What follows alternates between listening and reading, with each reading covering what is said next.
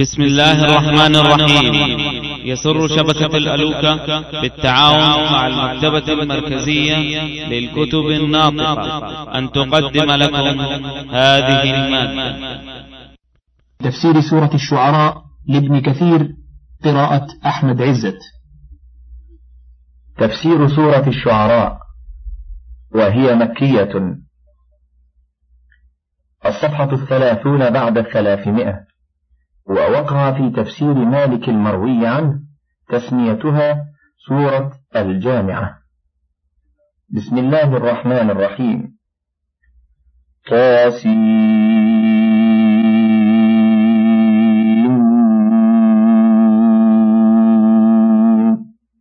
تلك آيات الكتاب المبين. لعلك باخع نفسك ألا يكونوا مؤمنين. إن نشأ ننزل عليهم من السماء آية آية فظلت أعناقهم لها خاضعين.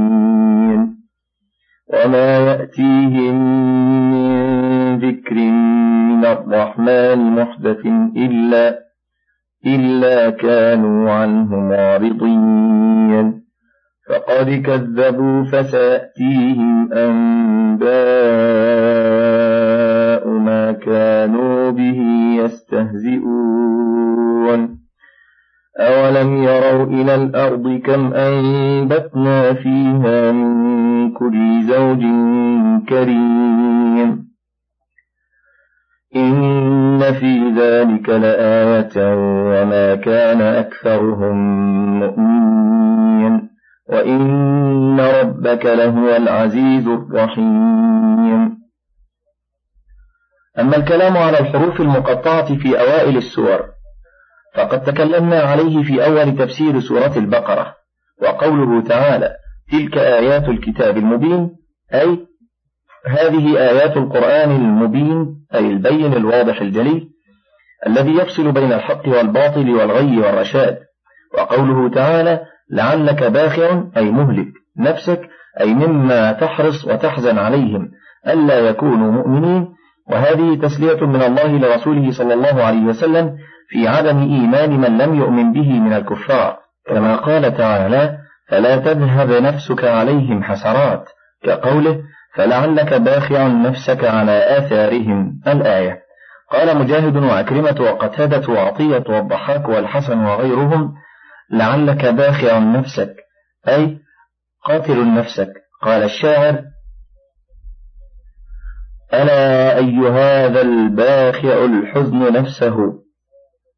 لشيء نحته عن يديه المقادر. ثم قال تعالى إن نشأ ننزل عليهم من السماء آية فظلت أعناقهم لها خاضعين. أي لو نشاء لأنزلنا آية نضطرهم إلى الإيمان قهرا ولكن لا نفعل ذلك لأننا لا نريد من أحد إلا الإيمان الاختياري. وقال تعالى ولو شاء ربك لآمن من في الأرض كلهم جميعا. أفأنت تكره الناس حتى يكونوا مؤمنين؟ وقال تعالى ولو شاء ربك لجعل الناس أمة واحدة الآية. فنفذ قدره ومضت حكمته وقامت حجته البالغة على خلقه بإرسال الرسل إليهم وإنزال الكتب عليهم. ثم قال تعالى وما يأتيهم من ذكر من الرحمن محدث إلا كانوا عنه معرضين. أي كلما جاءهم كتاب من السماء أعرض عنه أكثر الناس. كما قال تعالى وما أكثر الناس ولو حرصت بمؤمنين. وقال تعالى يا حسرة على العباد ما يأتيهم من رسول إلا كانوا به يستهزئون. وقال تعالى ثم أرسلنا رسلنا تترى كلما جاء أمة رسولها كذبوه. الآية. ولهذا قال تعالى ها هنا فقد كذبوا فسيأتيهم أنباء ما كانوا به يستهزئون. أي فقد كذبوا بما جاءهم من الحق فسيعلمون نبأ هذا التكذيب بعد حين. وسيعلم الذين ظلموا أي منقلب ينقلبون. ثم نبه تعالى على عظمة سلطانه وجلالة قدره وشأنه الذين اجترأوا على مخالفة رسوله وتكذيب كتابه. وهو القاهر العظيم القادر الذي خلق الأرض الذي خلق الأرض وأنبت فيها من كل زوج كريم من زروع وثمار وحيوان. قال سفيان الثوري عن رجل عن الشعبي الناس من نبات الأرض فمن دخل الجنة فهو كريم ومن دخل النار فهو لئيم. إن في ذلك لآية أي دلالة على قدرة الخالق للأشياء الذي بسط الأرض ورفع بناء السماء. ومع هذا ما آمن أكثر الناس بل كذبوا به وبرسله. وكتبه وخالفوا أمره وارتكبوا نهيه. وقوله وإن ربك لهو العزيز أي الذي عز كل شيء أي الذي عز كل شيء وقهره وغلبه. الرحيم أي بخلقه فلا يعجل على من عصاه بل يؤجله وينظره ثم يأخذه أخذ عزيز مقتدر. قال أبو العالية وقتادة والربيع بن أنس وابن إسحاق العزيز في نقمته وانتصاره ممن خالف أمره وعبد غيره. وقال سعيد بن جبير الرحيم بمن تاب إليه وأناب. وإذ نادى ربك موسى أن ائت القوم الظالمين.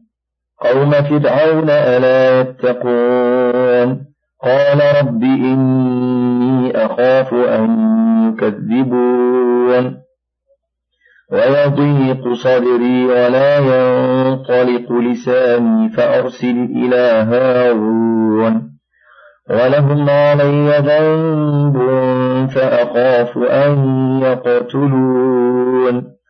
قال كلا فاذهبا بآياتنا إنا معكم مستمعون. فأتيا فرعون فقولا إنا رسول رب العالمين. أن أرسل معنا بني إسرائيل. قال ألم نربك فينا وليدا ولبثت فينا من عمرك سنين. وفعلت فعلتك التي فعلت وأنت من الكافرين. قال فعلتها إذا وأنا من الضالين.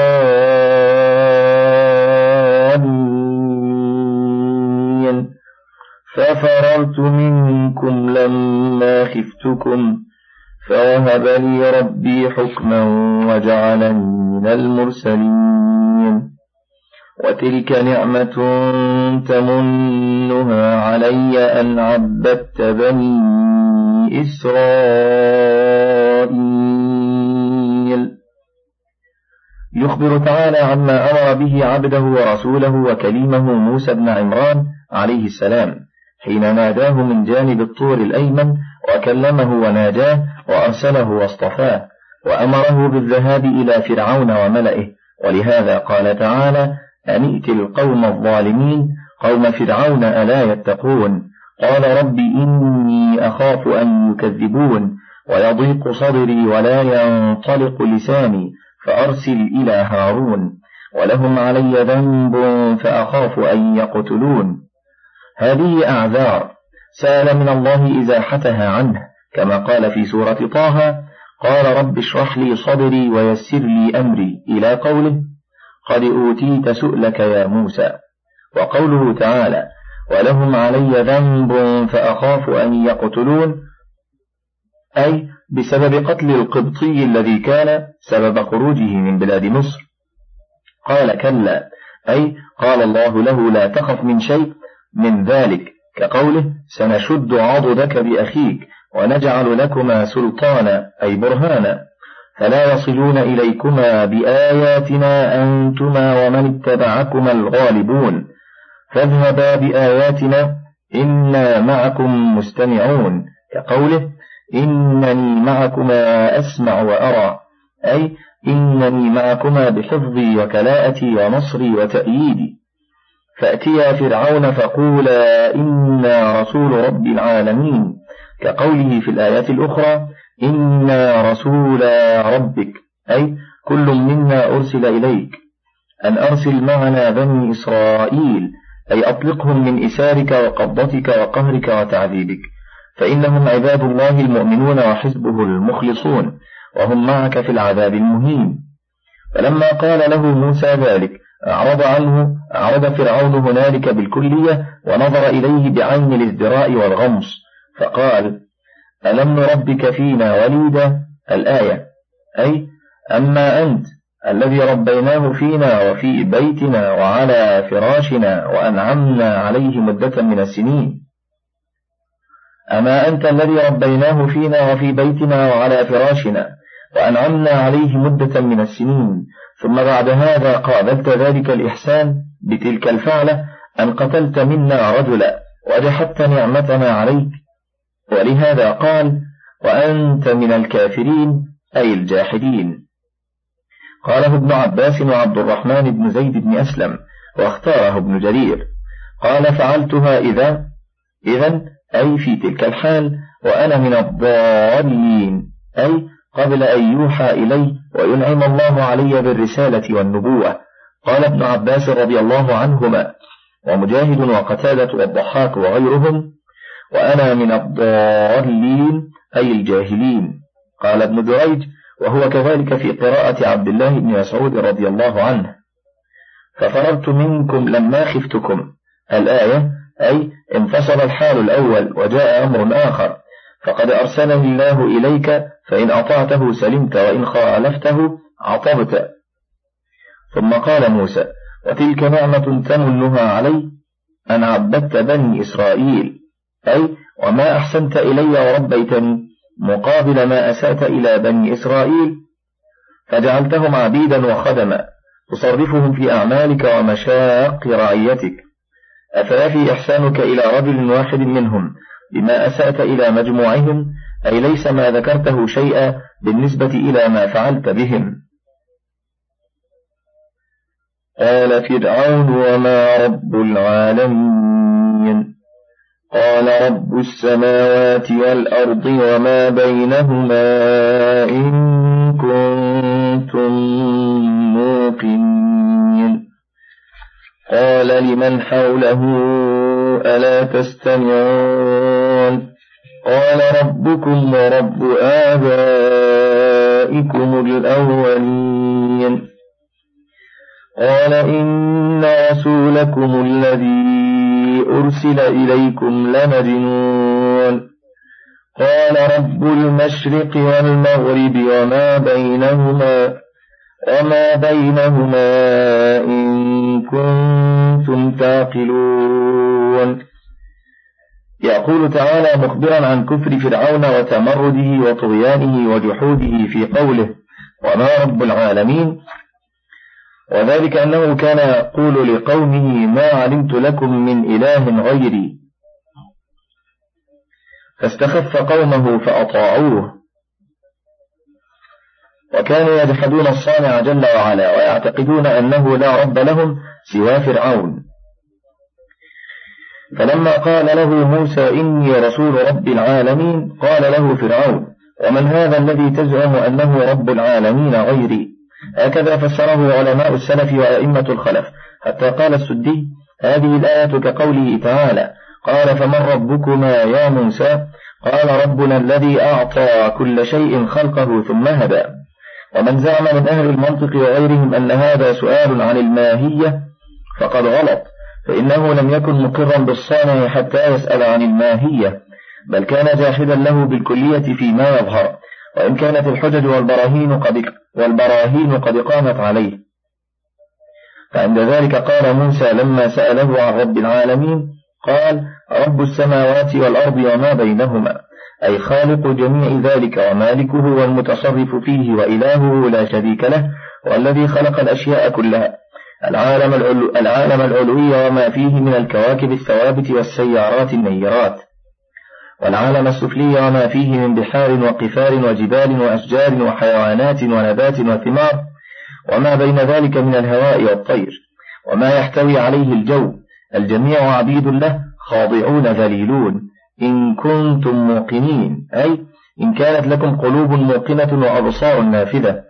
فعند ذلك التفت فرعون إلى من حوله من ملئه ورؤساء دولته قائلا لهم على سبيل التهكم والاستهزاء والتكذيب لموسى فيما قاله ألا تستمعون؟ أي ألا تعجبون من هذا في زعمه أن لكم إلها غيري؟ فقال لهم موسى ربكم ورب آبائكم الأولين أي خالقكم وخالق آبائكم الأولين الذين كانوا قبل فرعون وزمانه. قال أي فرعون لقومه إن رسولكم الذي أرسل إليكم لمدنون أي ليس له عقل في دعواه أن ثم ربا غيري. قال أي موسى لأولئك الذين أوعز إليهم فرعون ما أوعز من الشبهة فأجاب موسى بقوله رب المشرق والمغرب وما بينهما إن كنتم تعقلون. أي هو الذي جعل المشرق مشرقا تطلع منه الكواكب والمغرب مغربا تغرب فيه الكواكب. ثوابتها وسياراتها مع هذا النظام الذي سخرها فيه وقدرها.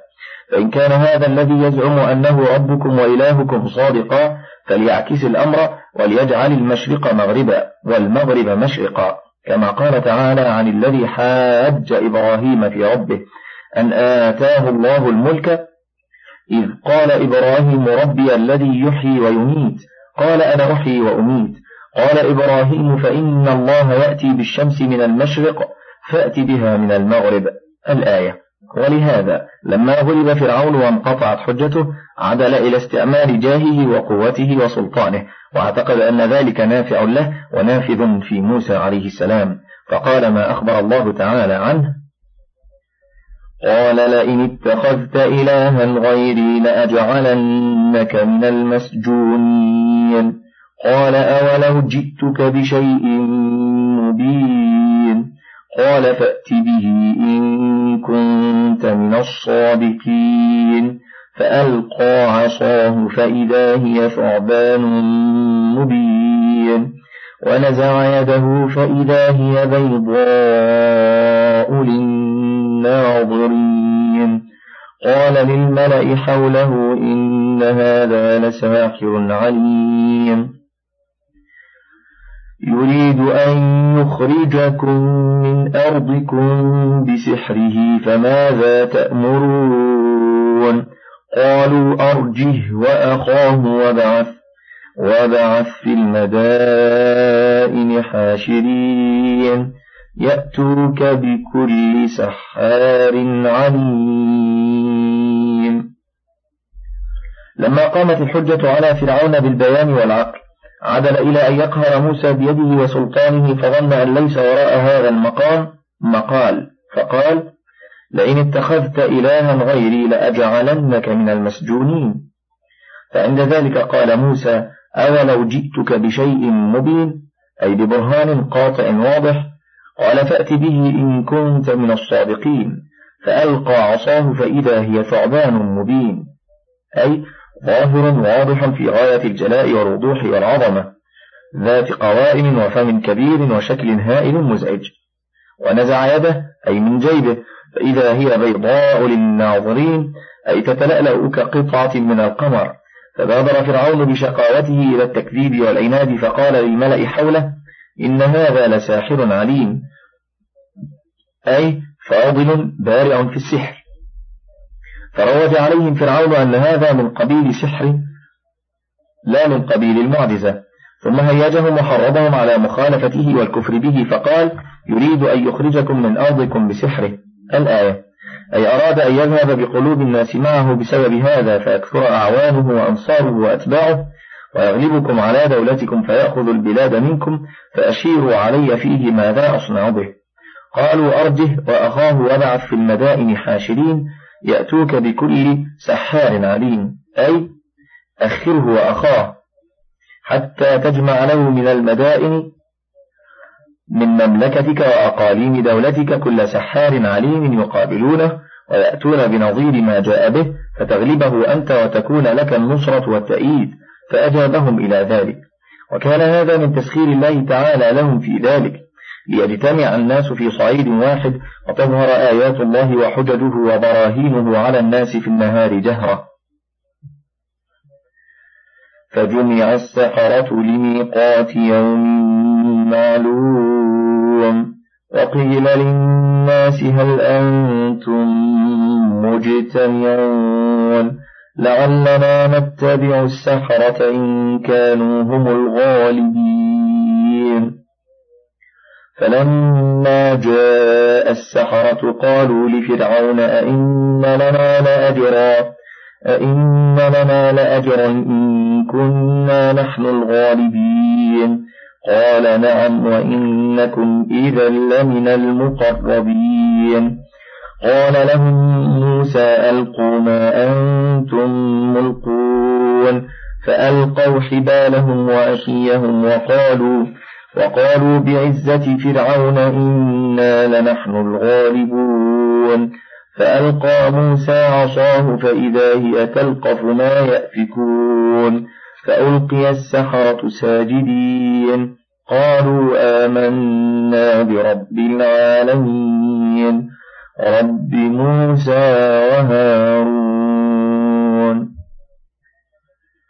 ذكر الله تعالى هذه المناظرة الفعلية بين موسى عليه السلام والقبط في سورة الأعراف وفي سورة طه وفي هذه السورة. وذلك أن القبط أرادوا أن يطفئوا نور الله بأفواههم فأبى الله إلا أن يتم نوره ولو كره الكافرون. وهذا شأن الكفر والإيمان ما تواجه وتقابل إلا غلبه الإيمان. بل نقذف بالحق على الباطل فيدمغه فإذا هو زاهق ولكم الويل مما تصفون. وقل جاء الحق وزهق الباطل الآية.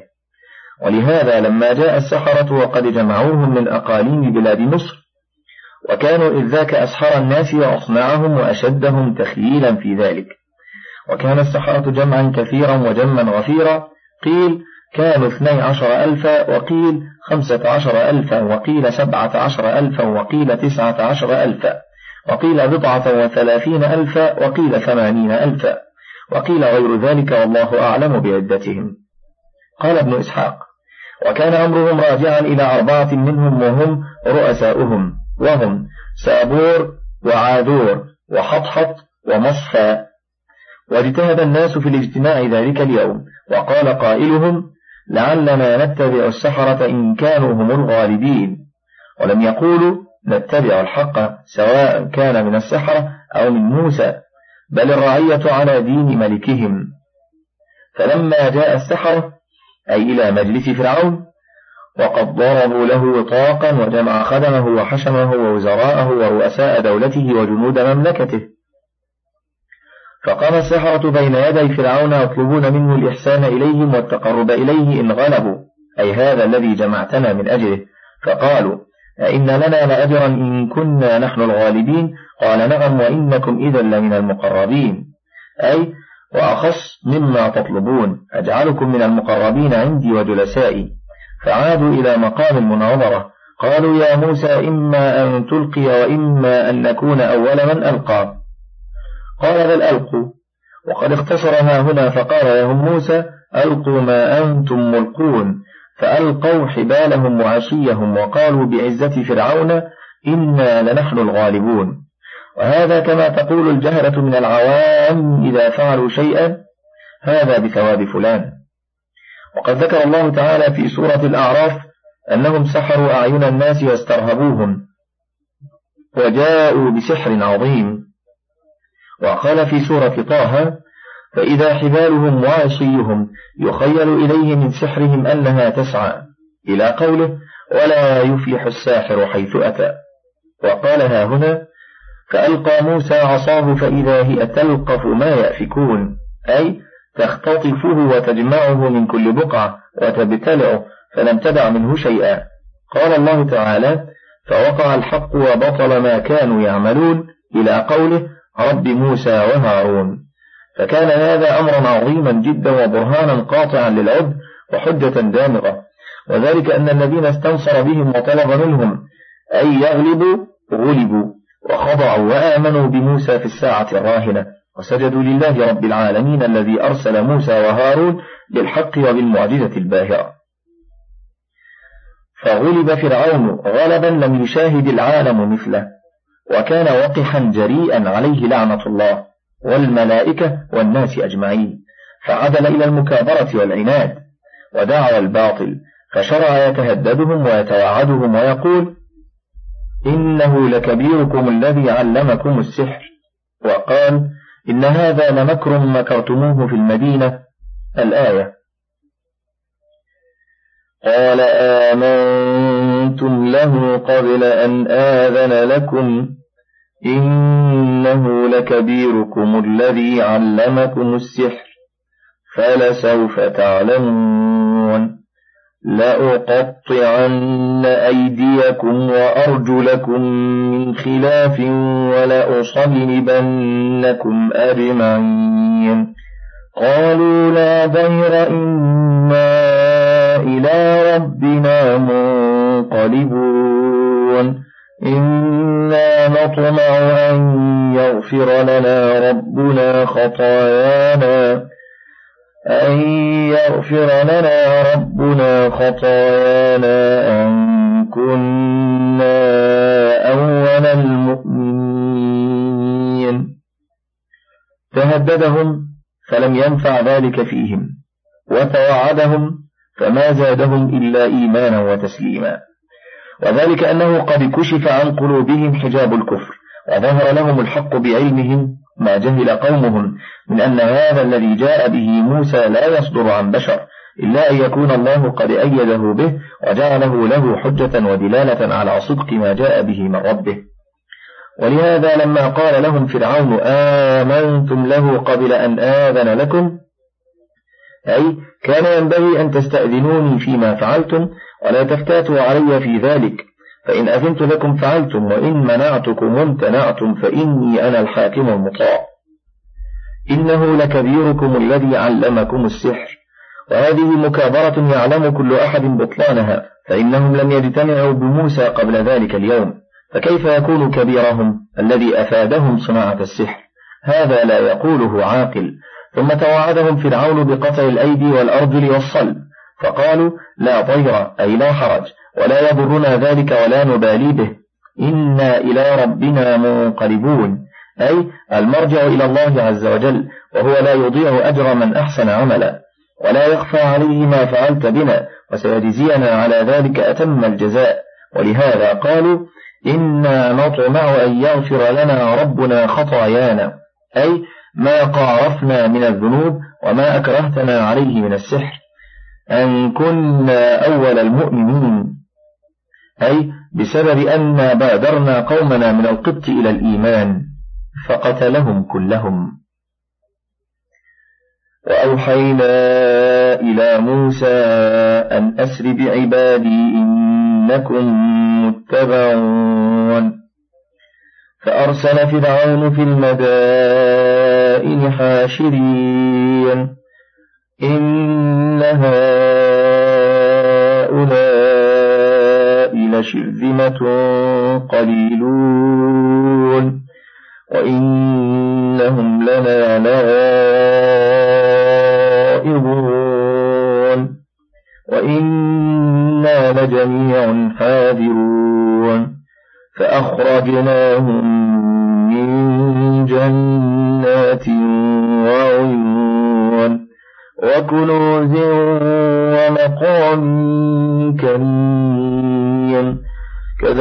كذلك وأورثناها بني إسرائيل.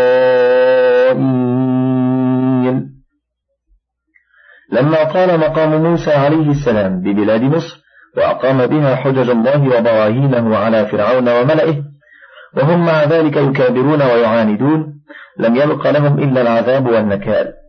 فأمر الله تعالى موسى عليه السلام أن يخرج ببني إسرائيل ليلا من مصر وأن يمضي بهم حيث يؤمر. ففعل موسى عليه السلام ما أمره به ربه عز وجل. خرج بهم بعدما استعاروا من قوم فرعون حليا كثيرا. وكان خروجه بهم فيما ذكره غير واحد من المفسرين وقت طلوع القمر. وذكر مجاهد رحمه الله أنه كسف القمر تلك الليلة فالله أعلم. وأن موسى عليه السلام سأل عن قبر يوسف عليه السلام فدلته امرأة عجوز من بني إسرائيل عليه فاحتمل تابوته معهم. ويقال إنه هو الذي حمله بنفسه عليهما السلام. وكان يوسف عليه السلام. قد أوصى بذلك إذا خرج بنو إسرائيل أن يحتملوه معهم. من فضلك تابع بقية المادة.